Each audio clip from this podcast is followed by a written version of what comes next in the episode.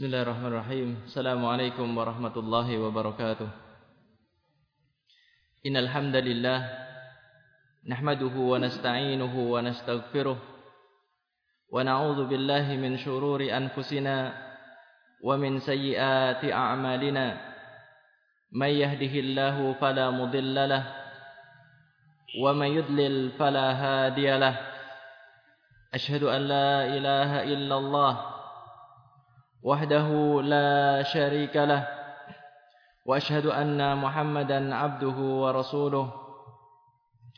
يا أيها الذين آمنوا اتقوا الله حق تقاته ولا تموتن إلا وأنتم مسلمون. يا أيها الناس اتقوا ربكم الذي خلقكم من نفس واحدة وخلق منها زوجها وبث منهما رجالا كثيرا ونساء. واتقوا الله الذي تساءلون به والأرحام إن الله كان عليكم رقيبا. يا أيها الذين آمنوا اتقوا الله وقولوا قولا سديدا. يصلح لكم أعمالكم ويغفر لكم ذنوبكم. ومن يطع الله ورسوله فقد فاز فوزا عظيما. أما بعد فإن أصدق الحديث كتاب الله وخير الهدي هدي محمد صلى الله عليه وسلم وشر الأمور محدثاتها وكل محدثة بدعة وكل بدعة ضلالة وكل ضلالة في النار. kaum muslimin hadirin sekalian yang dirahmati Allah. Pertama marilah kita panjatkan puja dan puji syukur kehadirat Allah Azza wa Jalla. Pada kesempatan pagi hari ini Allah Taala memberikan kemudahan kepada kita menghadiri salah satu majlis ta'lim. Kita meminta kepada Allah agar apa yang kita usahakan pada kesempatan pagi hari ini mendapatkan ridha, cinta dan juga kasih sayang darinya. Dan semoga apa yang kita usahakan menjadi amal saleh yang dengannya kita mendapatkan kemudahan di dunia dan juga di akhirat. Salawat dan juga salam semoga senantiasa terlimpahkan kepada junjungan kita Nabi besar Muhammad sallallahu alaihi wasallam, keluarganya, para sahabatnya dan juga orang-orang yang mengikuti sunnahnya. Hadirin sekalian kaum muslimin dan muslimah yang dirahmati oleh Allah. Pada kesempatan pagi hari ini insyaallah kita akan membahas satu judul tanda hati yang sakit. Ikhwani fid din rahimani wa rahimakumullah. Allah Subhanahu wa taala telah menciptakan manusia dengan memiliki dua unsur utama yang pertama adalah jiwa atau mungkin kita dengan mengenal dengan istilah roh. Dan yang kedua adalah raga ataupun tubuh. Dua unsur penciptaan manusia ini merupakan amanah yang Allah berikan kepada kita. Sebagaimana kita tahu bahwasannya setiap amanah harus kita jaga. Jiwa dan raga kita adalah amanah yang Allah berikan, yang Allah karuniakan kepada kita. Kita harus menjaganya. Dan kita tertuntut ketika melaksanakan penjagaan terhadap jiwa dan raga kita. Kita harus seimbang di antara dua unsur yang Allah berikan kepada kita ini harus seimbang. Namun kenyataannya yang kita dapati adalah tidak sebagaimana yang diinginkan. Kenyataannya kita lebih banyak memperhatikan tubuh kita, raga kita daripada perhatian kita kepada jiwa dan juga hati kita. Kita mendapati kalau kita sakit sebagian dari tubuh kita kalau kita mengalami sakit kita akan segera berlari untuk mencari obatnya. Yang herbalkah itu? Pergi ke dokter, pergi ke toko obat. Yang penting seorang bisa mendapatkan kesembuhan. Yang penting kita bisa sembuh. Tetapi giliran jiwanya yang sakit, hatinya yang merana karena mengalami sakit, hanya sedikit di antara kita yang sadar.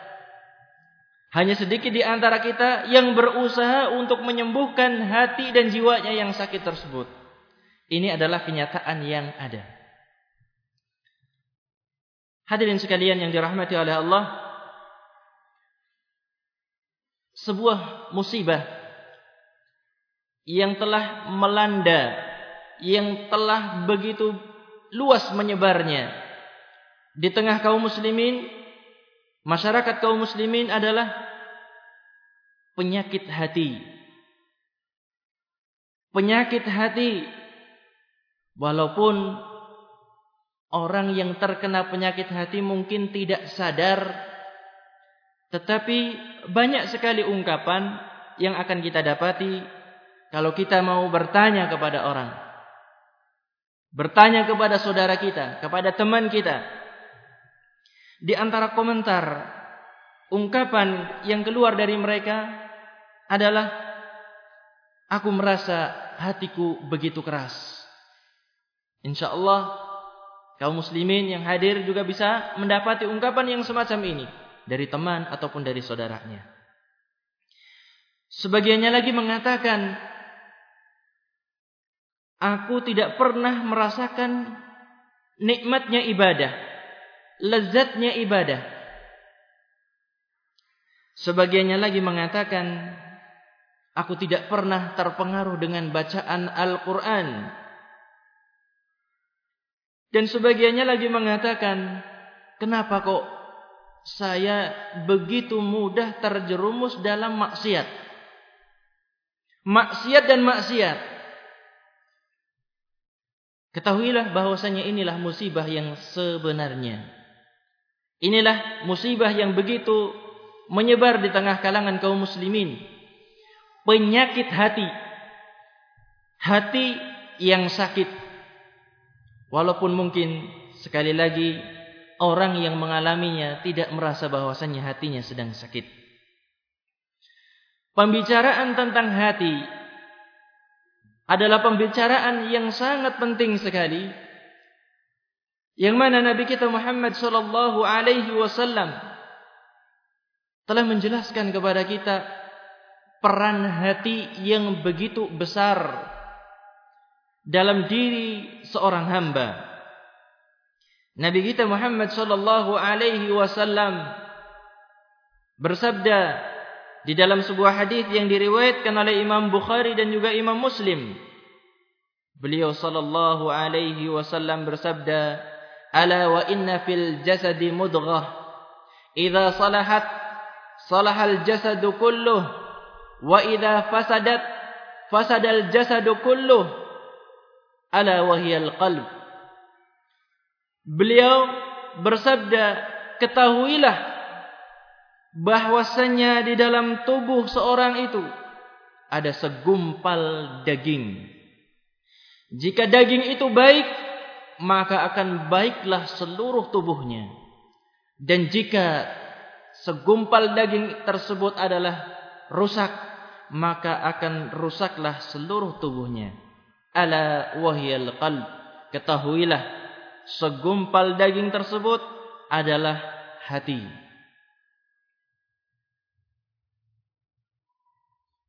Rasulullah sallallahu alaihi wasallam juga menyebutkan kenapa hati kok dinamai dengan al-qalb.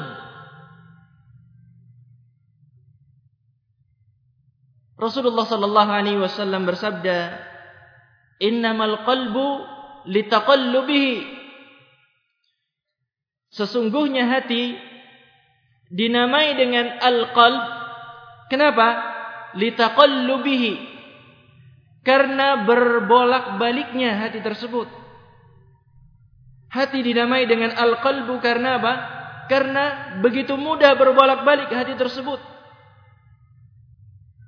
Innama mathalul qalbi kamathali rishah mu'allaqah fi asli sajarah yuqallibuha ar-rih dhahran li batnin kata beliau sallallahu alaihi wasallam sesungguhnya permisalan sebuah hati adalah seperti daun yang tergantung yang menempel pada sebuah pohon yang dibolak-balikkan oleh angin Hadis ini diriwayatkan oleh Imam Ahmad dan disahihkan oleh Syekh Al-Albani rahimahullahu taala.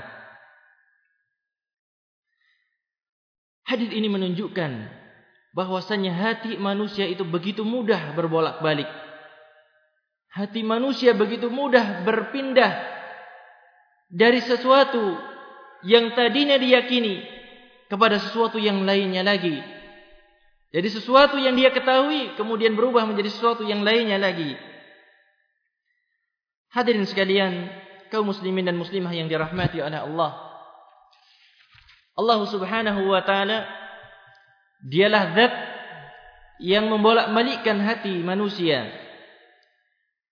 Sebagaimana Nabi kita Muhammad sallallahu alaihi wasallam bersabda, "Inna quluba bani Adam kullaha baina usbu'aini min asabi'ir rahman sesungguhnya hati anak adam sesungguhnya hati manusia seluruhnya. Hati seluruh manusia. Baina usbu'aini. Berada di antara dua jari. Min asabi'ir rahman. Dari jari jemari Allah. Dari jemari jari jemari Allah Subhanahu wa taala Ar-Rahman. Kakal bin wahid. Seluruh hati manusia itu seperti satu hati di antara dua jari di antara jari jemari Allah Subhanahu wa taala. Yusarrifuhu haitsu yasha. Yang Allah Subhanahu wa taala membolak-balikkannya. Yang Allah Subhanahu wa taala memalingkannya. Sebagaimana Allah Subhanahu wa taala kehendaki. Sehingga Nabi kita Muhammad mengajarkan kepada kita satu doa. Setelah menyebutkan hadis yang tadi kita bacakan beliau memanjatkan doa kepada Allah Subhanahu wa taala Allahumma ya musarrifal qulub sarrif qulubana ala ta'atik wahai zat yang membolak-balikkan hati balikkanlah hati kami di atas ketaatan kepadamu. Tetapkanlah hati kami untuk bisa taat kepadamu. Inilah apa yang diajarkan oleh Nabi kita Muhammad sallallahu alaihi wasallam agar hati kita mendapatkan keteguhan di atas ketaatan kepadanya. Allah taala berfirman menyebutkan tentang hati beberapa ayat di dalam Al-Quran. Di dalam surat Al-Anfal ayat yang ke-24 Allah Taala menyebutkan wa'lamu anna Allah yahulu bainal mar'i wa wa annahu ilaihi tuhsyarun. Wa'lamu dan ketahuilah oleh kalian. Anna Allah bahwasanya Allah yahulu bainal mar'i wa qalbihi Allah lah yang membuat batasan. Allah lah yang membatasi antara seorang manusia dengan hatinya. Wa annahu ilaihi tuhsyarun. Dan bahwasanya kepadanya lah. Kepada Allah lah kalian akan dikumpulkan. Di dalam ayat ini Allah taala menyebutkan Allah yang membatasi antara diri seorang hamba dengan hatinya. Demikian juga Allah taala menyebutkan tentang hati bahwasanya tidak ada manusia yang mendapatkan keselamatan kecuali seorang yang datang menghadap Allah dengan hati yang bersih. Allah Taala berfirman, "Yauma la yanfa'u malun wala banun illa man atallaha biqalbin salim." Hari di mana tidak bermanfaat al-mal harta. Wala banun dan hari di mana tidak bermanfaat anak keturunan. Illa man atallaha biqalbin salim kecuali orang yang datang menghadap Allah dengan hati yang bersih di dalam surat asy-syu'ara ayat yang ke-89 demikian juga Allah taala telah menyebutkan tentang hati di dalam surat az-zumar ayat yang ke-22 فويل للقاسيات قلوبهم من ذكر الله أولئك في ضلال مبين فويل للقاسيات قلوبهم maka kecelakaan yang besar bagi orang-orang yang telah mengeras hatinya. An zikrillah.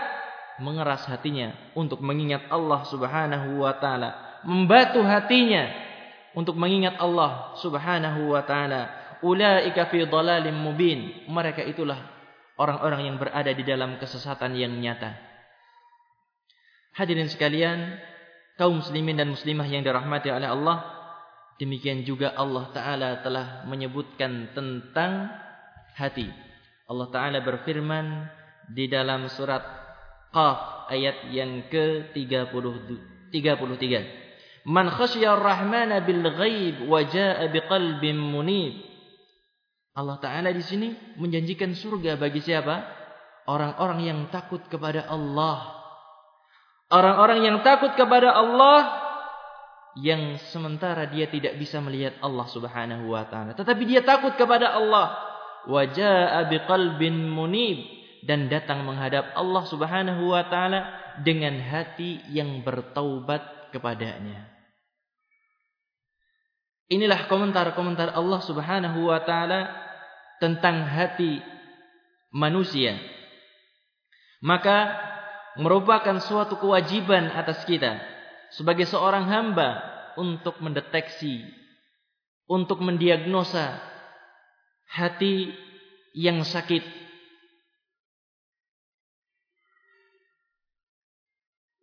Karena apa?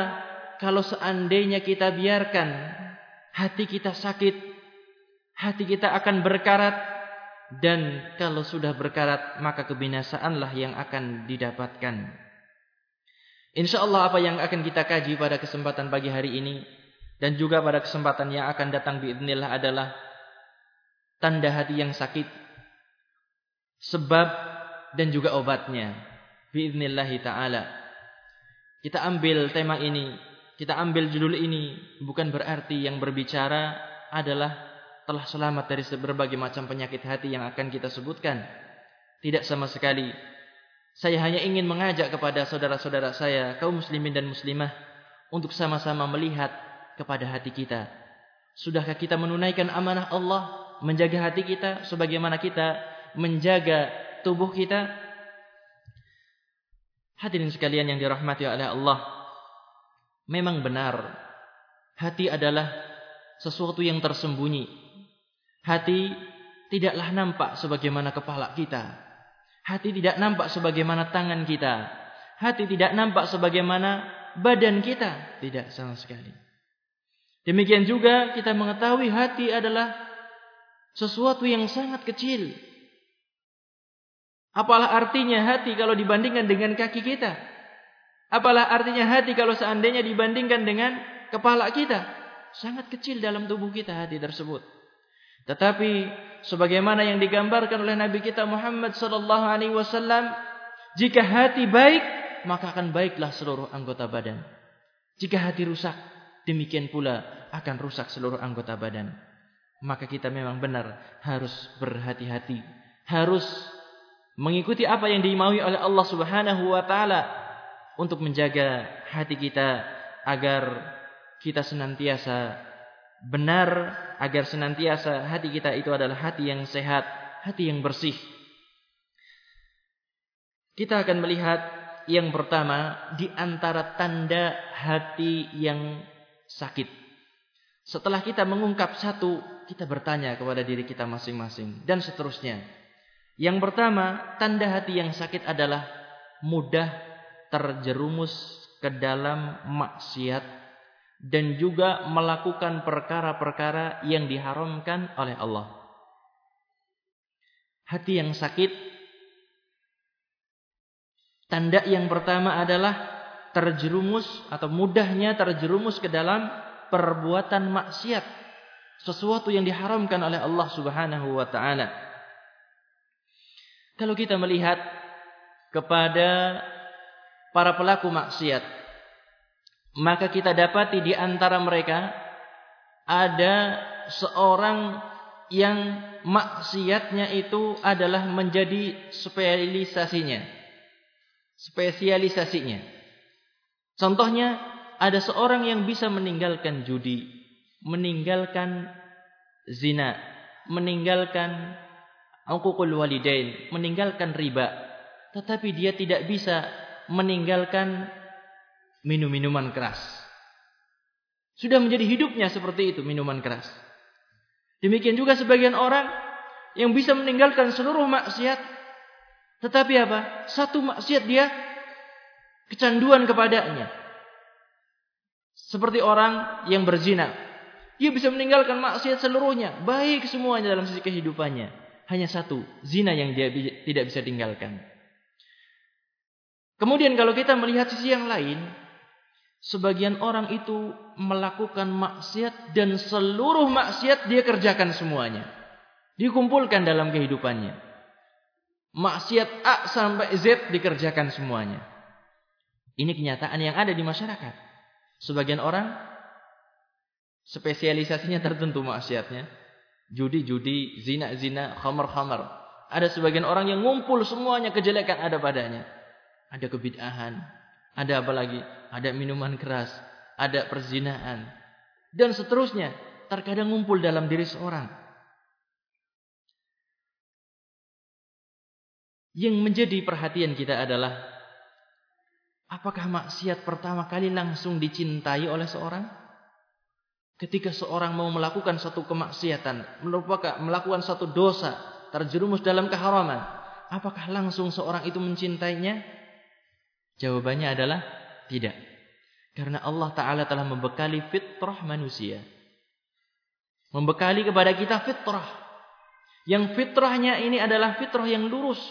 Di atas agama yang benar. Sehingga ketika pertama kali seorang melakukan maksiat. Mungkin masih ada dalam dirinya. Bahwasan ini adalah keharaman. Tetapi ketika maksiat itu diulangi lagi. Maksiat itu diulangi lagi maka inilah yang jadi masalah sekarang. Ketika maksiat sudah berulang dalam kehidupannya, maka timbullah kecintaan, timbullah kesukaan dalam dirinya. Ketika seorang sudah cinta kepada satu maksiat, timbullah lagi permasalahan yang lain. Apa? Hilanglah noda yang pertama dulu telah kita miliki. Noda kemaksiatan sudah hilang dari dalam diri kita. Celaan kepada maksiat sudah enggak ada lagi. Karena apa? Karena seringnya kita melakukan satu kemaksiatan. Ketika sudah tidak ada penilaian negatif kepada suatu maksiat. Maka kita terancam dengan sabda Rasulullah sallallahu alaihi wasallam yaitu orang-orang yang berbangga ketika melakukan satu maksiat. Kalau sudah tidak ada lagi pengingkaran dalam diri, maka yang muncul adalah apa? Seorang itu bangga ketika melakukan sebuah maksiat. Dalam sebuah hadis Rasulullah sallallahu alaihi wasallam bersabda, "Kullu ummati mu'afa illa al-mujahirin." Kata beliau, seluruh umatku dosanya itu akan dimaafkan illal mujahirin kecuali orang-orang yang terang-terangan, orang-orang yang bangga kepada dosa. Bangga dengan maksiat.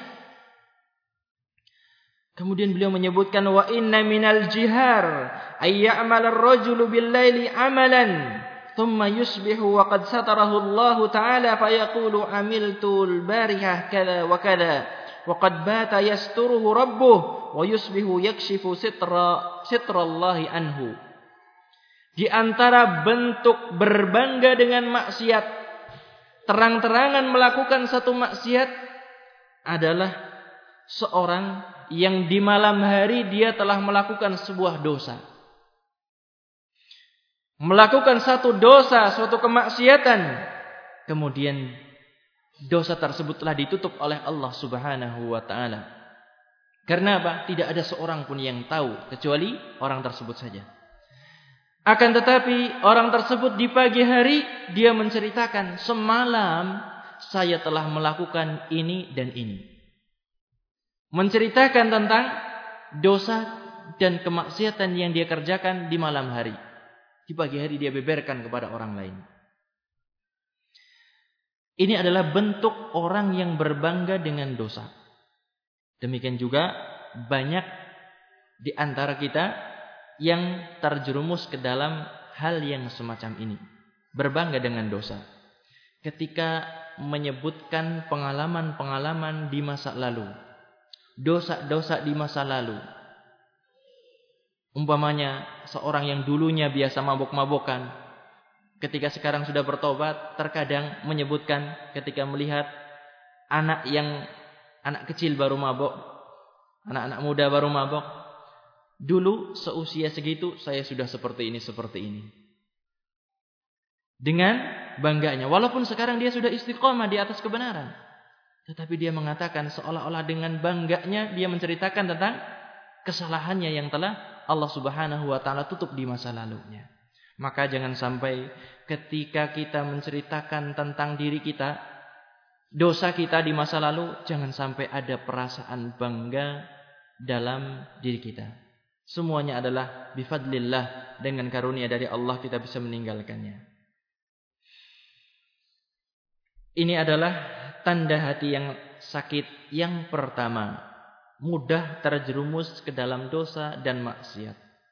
Tanyakan kepada diri kita masing-masing. Sudahkah hati kita sehat? Sudahkah hati kita bersih? Kalau masih kita dapati diri kita mudah sekali terjerumus ke dalam maksiat. Berarti bahwasanya hati kita adalah dalam tanda di antara tanda sakitnya hati.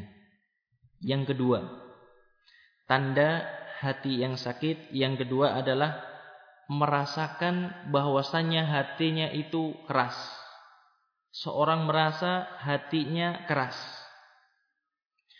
Seorang terkadang merasakan hatinya mengeras membatu bahkan lebih keras daripada batu. Sebagaimana Allah juga menyebutkan di dalam surat Al-Baqarah ayat yang ke-74. Al-Baqarah ayat yang ke-74 Allah taala berfirman, "Tsumma qasat qulubukum min ba'di dzalik, fahiya kal hijarah aw ashaddu qaswah." Tsumma qasat qulubukum, kemudian setelah itu hati kalian menjadi keras seperti batu Au ashadda qaswah atau lebih keras lagi. Ini juga menunjukkan kepada kita bahwasanya hati manusia bisa membatu, bisa mengeras. Orang yang memiliki hati yang keras, hati yang telah membatu tidak akan terpengaruh dengan nasihat kematian. Nasihat kematian begitu banyak di hadapan kita. Telinga kita bisa menangkap, mata kita bisa menangkap nasihat kematian semuanya. Di antara yang sering kita dengar, yang kita tangkap dengan telinga kita adalah ketika di pagi hari, ba'da subuh. Lebih khusus lagi di kampung-kampung. Ketika ada orang meninggal dunia di malam hari, diumumkan di pagi harinya, waktu subuh. Inna lillahi wa inna ilaihi raji'un. Inna lillahi wa inna ilaihi raji'un. Inna lillahi wa inna ilaihi raji'un kullu nafsin dha'iqatul maut. Itu kalimat yang senantiasa kita dengar ketika ada saudara kita yang meninggal. Pak Fulan bin Fulan meninggal dunia. Ibu Fulanah bin Fulan meninggal dunia. Ini adalah nasihat bagi kita. Sentuhan bagi kita agar kita sadar agar kita berpikir suatu saat saya juga akan seperti itu. Kalau seandainya tidak diumumkan, suatu saat kita akan dibicarakan si fulan telah meninggal dunia. Apakah kita mau bertahan terus di dunia ini? Tentunya tidak. Inilah di antara nasihat kematian. Nasihat kematian yang lainnya mungkin kita melihat kecelakaan yang sampai mengakibatkan meninggal dunia. Kita melihat orang tersebut terluka dengan luka yang parah di bagian kepala, di bagian kaki. Ada orang-orang yang sampai isi perutnya terburai keluar. Ini nasihat kematian di hadapan kita. Kadang-kadang kita menyaksikan secara langsung. Tetapi orang yang hatinya keras tidak pernah merasakan pelajaran tersebut. Tidak pernah mengambil pelajaran dari apa yang dia dengar. Tidak pernah mengambil pelajaran dari apa yang dia lihat. Bahkan melihat jenazah mungkin sesuatu yang sering kita alami. Membawa jenazah ke pekuburan. Bahkan menurunkan jenazah dengan tangan kita pun kita sering. Berjalan di pekuburan kita seolah-olah berjalan di antara bebatuan. Kita tidak pernah berpikir apa yang terjadi di dalamnya. Saudara kita sedang diapakan di dalamnya. Tidak pernah berpikir yang semacam ini. Ini adalah salah satu tanda di antara hati yang sakit. Maka kita lihat pada diri kita. Sudahkah hati kita adalah hati menjadi hati yang lembut? Sudahkah kita terhindar dari hati yang keras? Kita tanyakan kepada diri kita masing-masing. Kita lanjutkan yang ketiga. Tanda hati yang sakit yang ketiga adalah tidak benar di dalam melaksanakan ibadah. Tidak benar dalam melaksanakan ibadah.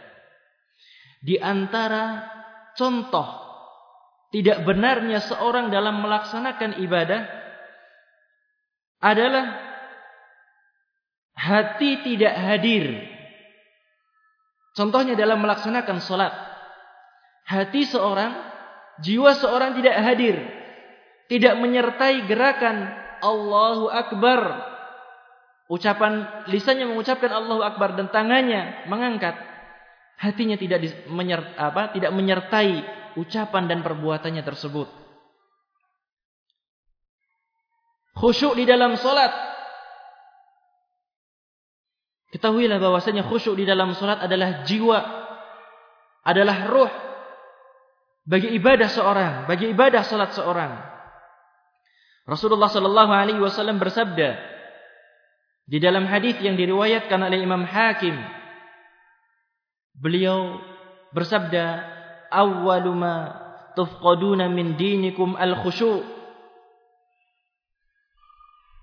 yang pertama-pertama kali hilang dari agama kalian adalah al-khusyu' yang pertama kali hilang dari agama Islam adalah khusyuk wa akhiru ma tufqaduna min dinikum as-salah. Dan yang terakhir kali hilang dari agama kalian adalah as-salat. Salat akan bertahan terus. Tetapi apa? Hilang kekhusyuannya. Kekhusyuannya sudah hilang tetapi apa? Salatnya masih terus sampai akhir zaman insyaallah biiznillah ta'ala. Tetapi rohnya telah hilang, kekhusyuan telah hilang.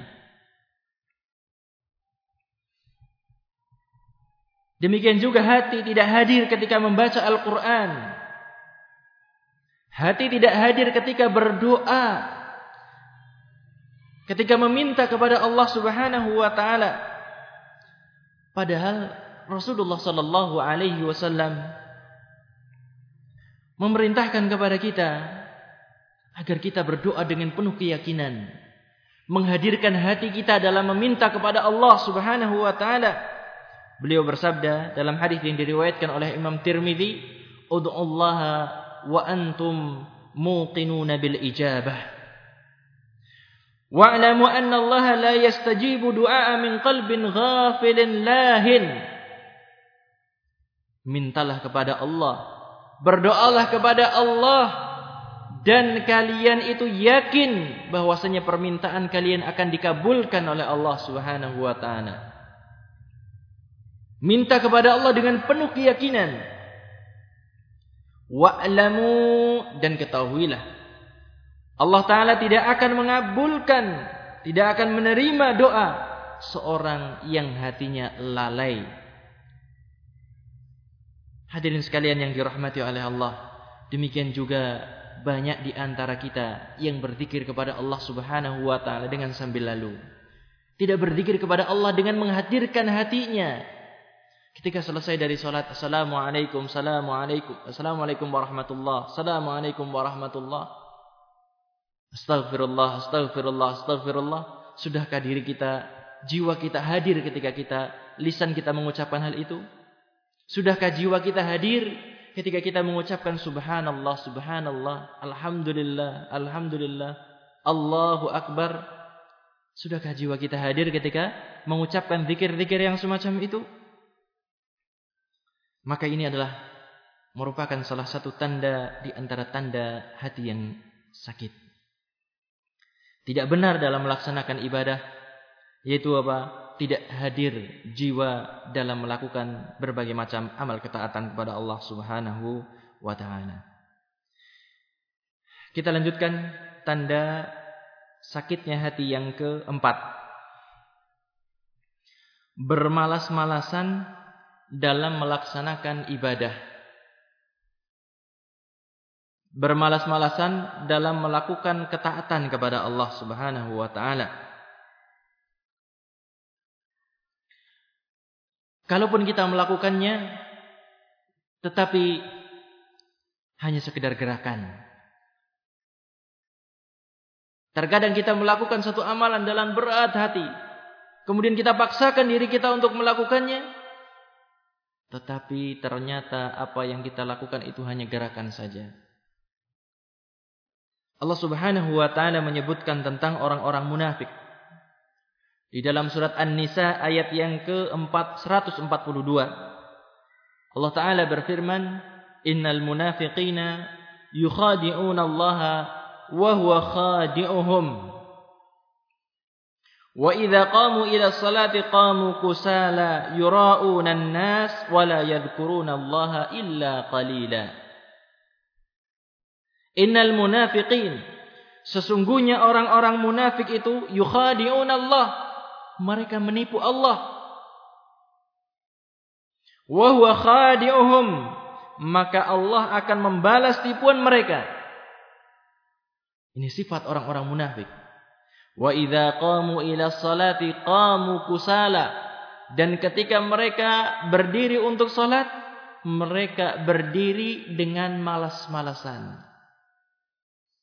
Yura'unan nas dan mereka berharap ibadahnya itu dilihat oleh uh, dilihat di hadapan manusia, dinilai oleh manusia. Wala yadhkurunallaha illa qalila dan mereka tidak mengingat Allah Subhanahu wa taala kecuali sedikit sekali.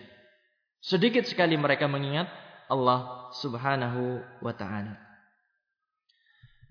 Masuk ke dalam penyakit yang keempat ini atau tanda sakit yang keempat, tanda hati yang sakit yang keempat adalah orang-orang yang tidak merasa menyesal terlewatnya musim-musim kebaikan. Kita telah melewati satu musim kebaikan yang sangat utama. Sepuluh hari pertama di bulan Dhul Hijjah.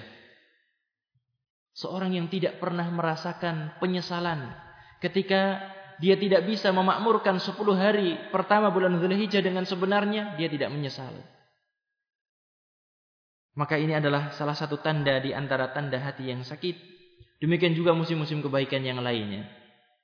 Musim-musim kebaikan yang lainnya yang setiap kali berulang. Antara adhan dan iqamah. Musim kebaikan. Sepertiga malam terakhir, musim kebaikan. Ketika bangun dari tidur, adalah musim kebaikan untuk meminta kebaikan-kebaikan dalam sehari. Hadirin sekalian yang dirahmati oleh Allah. Bahkan di antara kita yang ketinggalan solat jamaah tidak gelisah. Ketinggalan takbiratul ihram tidak pernah hatinya merasa gundah.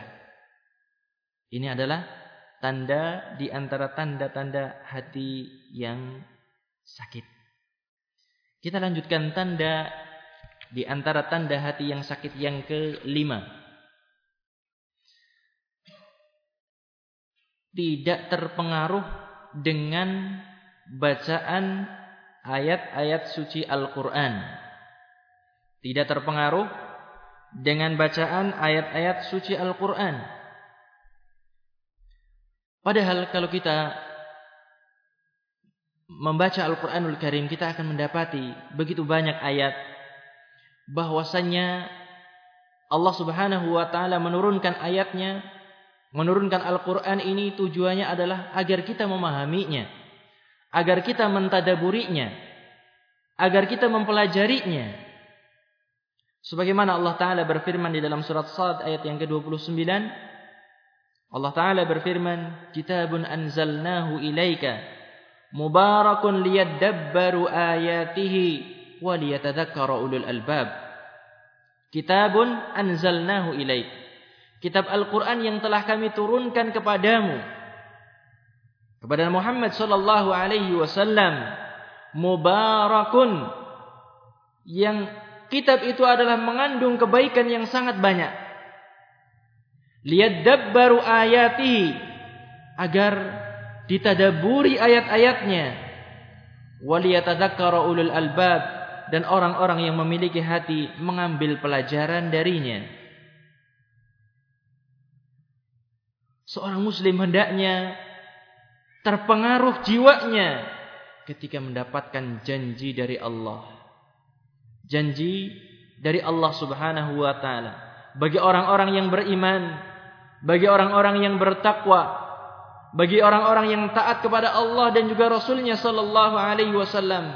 Begitu banyak janji di dalam Al-Qur'an yang Allah taala sebutkan. Surga seluas langit dan bumi. Surga yang mengalir di bawahnya sungai dan seterusnya.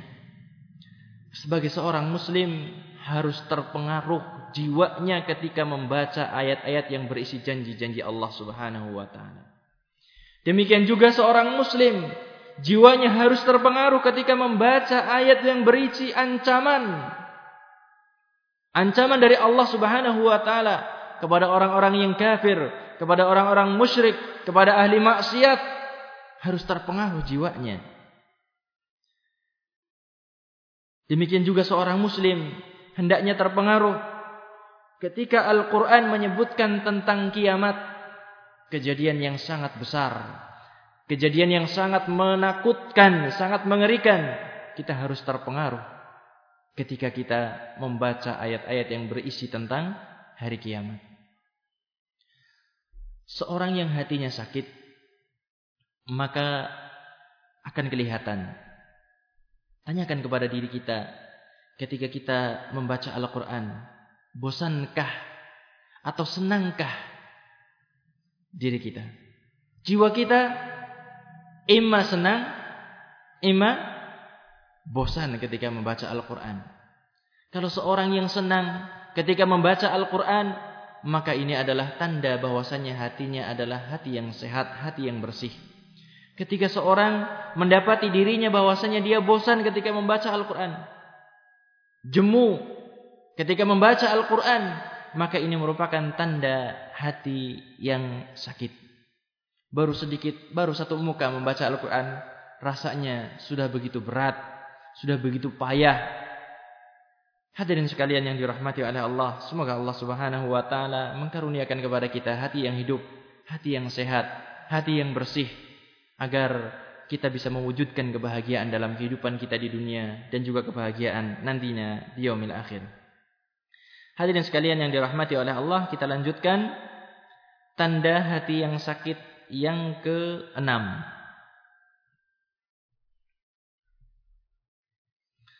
Tanda hati yang sakit yang keenam adalah lalai dari mengingat Allah di dalam zikir dan juga doanya. Berat rasanya untuk mengingat Allah subhanahu wa ta'ala. Apalagi kalau seandainya harus mengingat pertemuan dengan Allah. Ketika bertemu dengan Allah dimintai pertanggungjawaban oleh Allah. Begitu berat untuk mengingat hal itu. Mengingat kemahabesaran Allah subhanahu wa ta'ala berat sekali. Untuk berdoa kepada Allah berat sekali. Mengangkat kedua tangan. Memohon kepada Allah Subhanahu wa taala kebaikan di dunia dan di akhirat pun merasa berat sekali. Ketika sudah mengangkat rasanya pengen cepat-cepat diturunkan lagi tangan tersebut. Seolah-olah hamba tersebut tidak butuh kepada Allah Subhanahu wa taala. Sementara Allah taala menyebutkan tentang manusia, antumul fuqara'u ila Allah. Kalian semuanya adalah fuqara, fakir, butuh kepada Allah Subhanahu wa taala. Wallahu huwal ghaniyyul hamid dan dialah Allah Subhanahu wa taala yang maha kaya dan maha terpuji. Kok seorang kok seorang tahu dirinya fakir, tahu Allah itu maha kaya dan maha terpuji, kok tidak mau mengangkat kedua tangannya untuk meminta kepada Allah, menghibah kepada Allah Subhanahu wa taala, memohon kebaikan di dunia dan juga di akhirat. Seolah-olah dirinya telah mampu segalanya, bisa melakukan ini, bisa melakukan ini tanpa bantuan dari Allah Subhanahu wa taala. Allah Subhanahu wa taala menyebutkan di dalam potongan ayat yang telah saya bacakan tadi, wala yadhkurunallaha illa qalila dalam surat An-Nisa ayat yang ke-142 dan tidaklah mereka menyebut nama Allah kecuali sedikit sekali. Kecuali sedikit sekali. Mengingat Allah dalam kehidupannya sedikit sekali. Padahal seorang muslim harus senantiasa menghadirkan dirinya kepada menghadirkan dirinya dalam kehidupannya untuk mengingat Allah Subhanahu wa taala. Ketahuilah bahwasanya Allah Subhanahu wa taala itu begitu malu kalau ada seorang hamba yang mengangkat kedua tangannya meminta kepada Allah, memohon kepada Allah kemudian Allah taala biarkan hamba tersebut mendapati kedua tangannya itu kosong. Allah itu malu sekali. Tetapi kenapa kita tidak memanfaatkan kesempatan yang telah Allah Subhanahu wa taala bukakan bagi kita pintu doa, pintu kedekatan kepada Allah Subhanahu wa taala. Kita lanjutkan tanda hati sakit yang ke tujuh.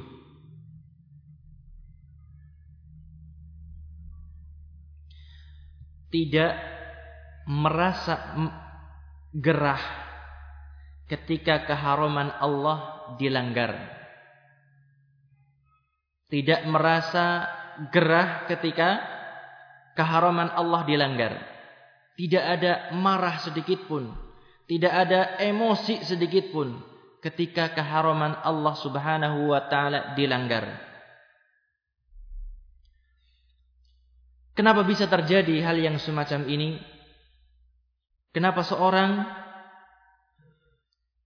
tidak marah, tidak murka ketika keharaman Allah dilanggar? Hal ini dikarenakan api kecemburuan terhadap Allah Subhanahu wa taala itu telah padam. Cemburu dalam diri orang tersebut telah padam sehingga anggota badannya pun tidak menampakkan amar ma'ruf, tidak menampakkan nahi mungkar. Orang yang semacam ini ketika ditampakkan kepadanya di hadapannya yang mungkar biasa saja. Ketika ditampakkan di hadapannya sesuatu yang ma'ruf, kebaikan, dia pun biasa saja. Tidak ada sedikit pun hatinya tersentuh. Tidak ada sedikit pun hatinya tertarik untuk melakukan kebaikan.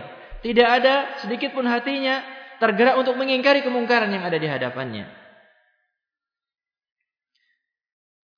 Rasulullah sallallahu alaihi wasallam menjelaskan kepada kita di dalam sebuah hadis yang sangat agung maknanya dalam sebuah hadis beliau sallallahu alaihi wasallam bersabda Idza amilta al-khati'ah fil ardi kana man shahidaha fakarihaha kaman ghaba anha. Wa man ghaba anha faradiyaha kana kaman syahidaha Perhatikanlah kepada hadis yang mulia ini. Idza amiltal khati'ah fil ardi jika engkau melakukan satu kesalahan di muka bumi kana man syahidaha fakarihaha orang yang melihatnya dan membencinya kaman ghaba anha. Seperti orang yang tidak menyaksikannya. Jika anda melakukan satu maksiat kemudian apa? Ada orang melihatnya tetapi orang yang melihatnya ini adalah dia membenci maksiat tersebut maka seperti orang tersebut tidak melihatnya. Dalam artian apa? Karena kebencian yang ada dalam dirinya dicatat oleh Allah Subhanahu wa taala seperti orang yang tidak melihat kemaksiatan tersebut. Wa man ghaba anha faradiyaha. Yang kedua, orang yang tidak melihat maksiat tetapi dia ridha, tetapi dia suka kepada kemaksiatan, kana kaman syahidaha, seperti orang yang menyaksikan secara langsung. Perhatikan baik-baik hadis ini. Kalau seandainya kita melihat satu kemaksiatan, hati kita mengingkarinya, walaupun mungkin badan kita nggak bisa mengingkarinya, hati kita mengingkarinya, maka Allah mencatatkan bahwasanya kita tidak melihat kemaksiatan tersebut. Kita itu jauh dari maksiat tersebut. Tetapi perhatian, kalau seandainya kita itu senang kepada suatu maksiat, walaupun maksiat itu sangat jauh dari kita, Ketahuilah bahwasanya kita dicatat seperti orang yang menyaksikannya secara langsung. Ini makna dari hadis yang mulia ini. Hadis diriwayatkan oleh Imam Abu Dawud dan disahihkan oleh Syekh Al-Albani rahimahullahu taala. Hadirin sekalian yang dirahmati oleh Allah, maka kita harus senantiasa menanamkan dalam diri kita sekecil apapun kemungkaran. Maka kita harus menanamkan dalam diri kita adanya pengingkaran. Kita ingkari dengan hati kita. Sebelum kita mengingkari dengan lisan kita, sebelum kita mengingkari dengan tangan kita. Kalau kita mampu mengingkari dengan tangan, kalau kita mampu mengingkari dengan lisan, lakukan. Tapi kalau tidak mampu, paling tidak dengan hati kita. Kita lanjutkan tanda hati yang sakit yang ke yang ke berapa? Yang ke delapan. Senang dengan kemegahan. Senang dengan kemegahan atau senang bermegah-megahan. Di antara tanda seorang yang senang bermegah-megahan adalah seorang yang rakus terhadap kepemimpinan. Inginnya jadi pemimpin, inginnya menjadi seorang penguasa atau orang yang berkuasa dan tidak memperhatikan tanggung jawab ketika dia memimpin atau ketika dia berkuasa. Rasulullah sallallahu alaihi wasallam telah memberikan peringatan kepada kita atas hal ini. Di dalam sabda beliau yang diriwayatkan oleh Imam Bukhari, beliau sallallahu alaihi wasallam bersabda, "Innakum satahrisuna 'alal imarah" wa satakunu nadamah yaumal qiyamah fa ni'mal murdi'ah wa bi'sal fatimah Rasulullah sallallahu alaihi wasallam bersabda innakum satahrisuna alal imarah Sesungguhnya kalian akan begitu bersemangat untuk mendapatkan kepemimpinan. Kalian akan begitu bersemangat untuk mendapatkan kekuasaan. Tetapi ketahuilah, wasatakunu nadamah yaumal qiyamah. Maka hal itu akan menjadi penyesalan nanti pada hari kiamat. Fa ni'mal murdiah. Wa bi'sal fatimah. Apa maksudnya di sini? Begitu baik awalnya dan begitu jelek akhirnya. Seorang yang mendapatkan kekuasaan dia akan mendapatkan harta memiliki harta kedudukan dan juga dia bisa mendapatkan kenikmatan-kenikmatan yang dia inginkan. Tetapi akhir kejelekan adalah apa? Ketika nanti di hari akhir dia diminta pertanggungjawaban oleh Allah Subhanahu wa taala. Menjadi nadamah, menjadi penyesalan di hari akhir. Dalam hadis yang lain Rasulullah sallallahu alaihi wasallam juga bersabda, "In syi'tum amba'tukum 'anil imarah wa ma hiya?" Jika kalian mau aku beritahukan kepada kalian apa yang dimaksudkan dengan al-imarah itu.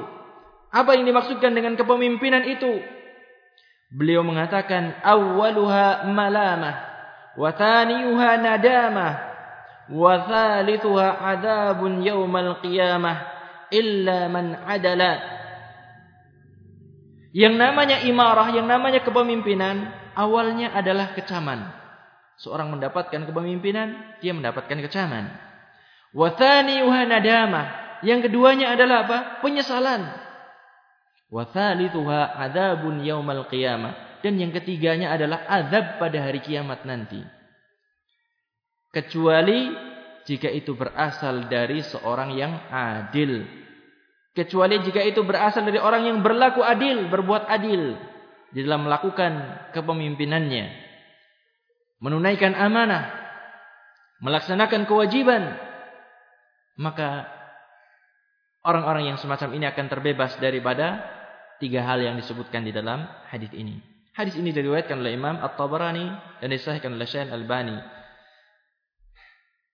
Di antara tanda yang menunjukkan seorang itu senang bermegah-megahan adalah seorang yang senang dihormati oleh orang lain dengan berdiri. Seorang yang datang ke satu majelis dia merasa senang kalau dihormati dengan cara berdiri oleh orang lain. Dihormati dengan cara berdiri. Masuk ke ruangan, yang lainnya yang yang ada di situ berdiri semuanya, menghormatinya. Orang yang senang yang semacam ini telah diancam oleh Rasulullah sallallahu alaihi wasallam di dalam hadis yang diriwayatkan oleh Imam Abu Dawud dan juga dikeluarkan oleh Imam Bukhari di dalam Adabul Mufrad.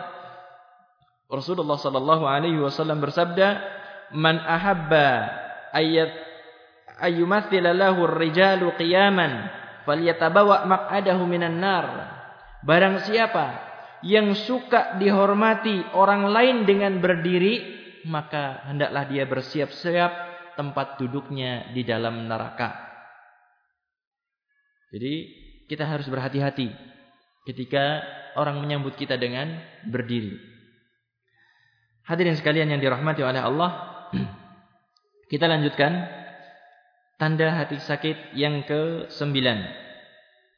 Bakhil atau pelit. Allah Ta'ala telah memuji kaum ansar yang mereka adalah orang-orang luar biasa dermawannya.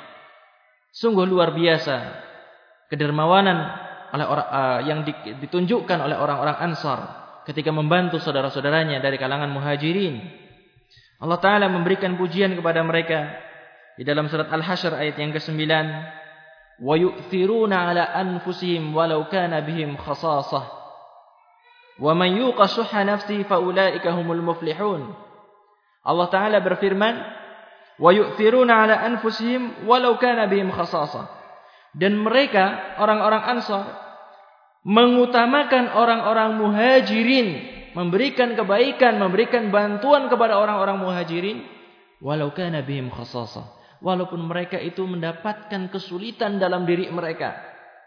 Mereka mendapatkan kesulitan, mereka mendapatkan kesempitan hidup, tetapi mereka membantu saudaranya, orang-orang muhajirin. Wa may yuqashuha nafsi fa humul muflihun. Dan barang siapa yang dipelihara dari kekikiran dirinya, mereka itulah orang-orang yang beruntung. Orang-orang yang tidak pelit adalah pada hakikatnya dialah orang-orang yang mendapatkan keberuntungan yang besar. Bahaya penyakit bakhil. Rasulullah sallallahu alaihi wasallam menyebutkan bahaya yang sangat besar bagi orang yang memiliki penyakit bakhil atau pelit.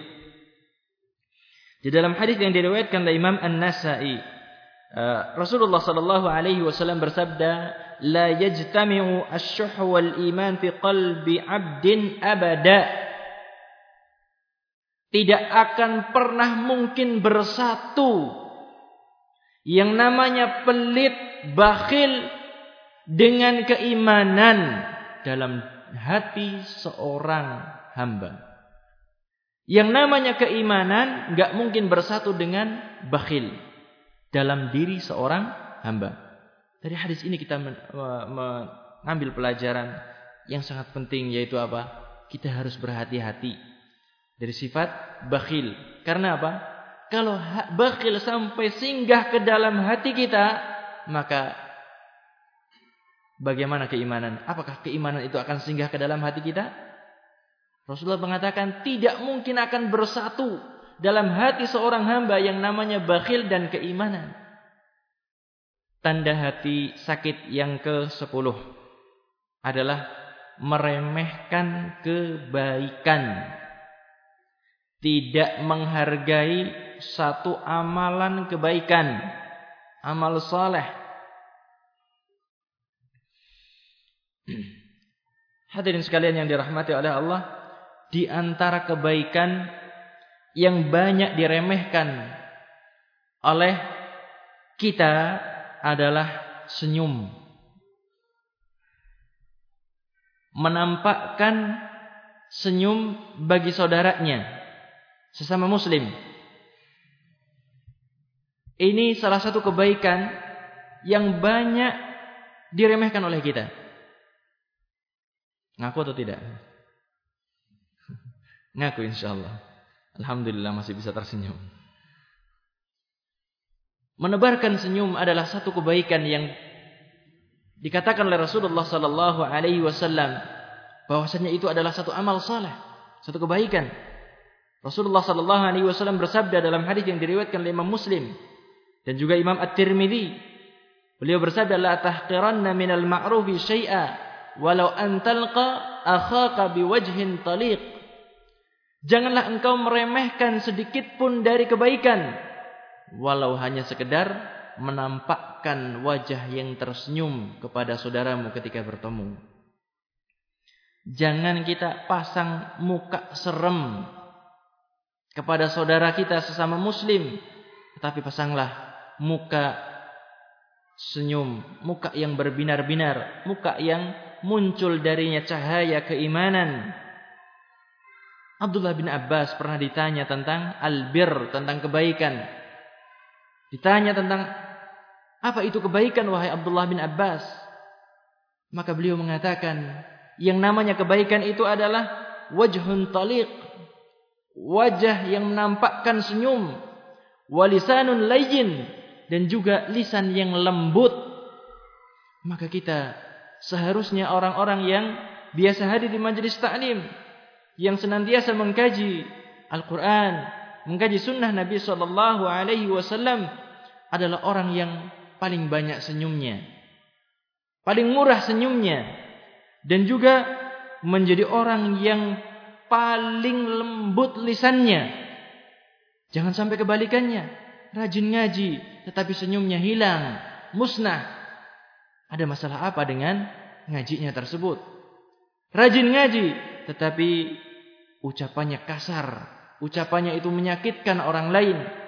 Hadirin sekalian yang dirahmati oleh Allah, maka semoga Allah taala mengkaruniakan kebaikan kepada kita walaupun mungkin kebaikan itu adalah kebaikan yang dipandang sepele oleh sebagian orang. Kita bisa melakukannya. Ini adalah karunia dari Allah Subhanahu wa taala semata. Sesungguhnya orang-orang yang meremehkan kebaikan mereka adalah orang-orang yang kasihan. Mereka adalah orang-orang yang telah melakukan kesalahan yang fatal. Satu satu kebaikan saja dia remehkan, maka berarti dia telah melakukan kesalahan yang besar. Kenapa sebabnya? Kita akan mengetahui jawabannya dari sabda Rasulullah sallallahu alaihi wasallam.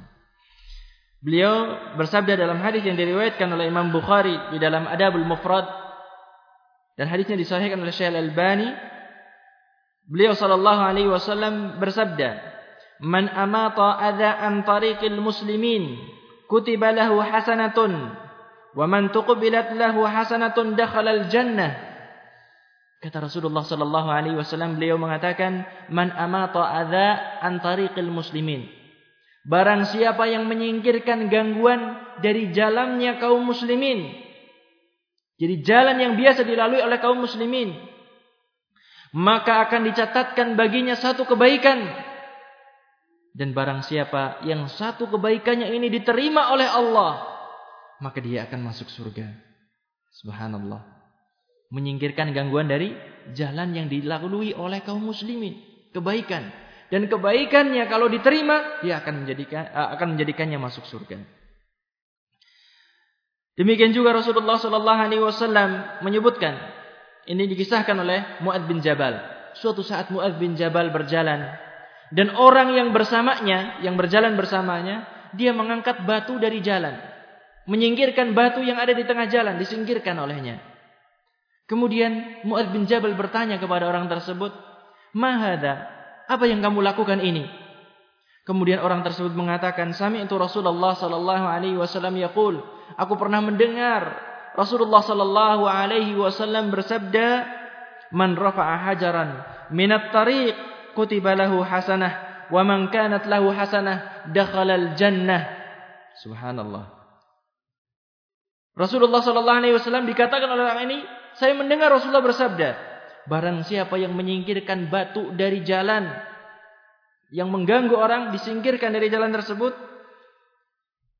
kutibalahu hasanah maka akan dicatatkan dituliskan baginya kebaikan wa man kanat lahu hasanah dan barang siapa yang dia punya satu kebaikan dakhalal jannah maka dia akan masuk surga sungguh merugi orang-orang yang menyepelekan satu kebaikan yang telah disebutkan oleh Rasulullah sallallahu alaihi wasallam satu kebaikan yang telah Allah Subhanahu wa taala sebutkan di dalam Al-Qur'an.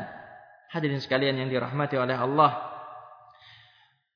Inilah sepuluh tanda penyakit hati yang bisa kita kaji pada kesempatan pagi hari ini.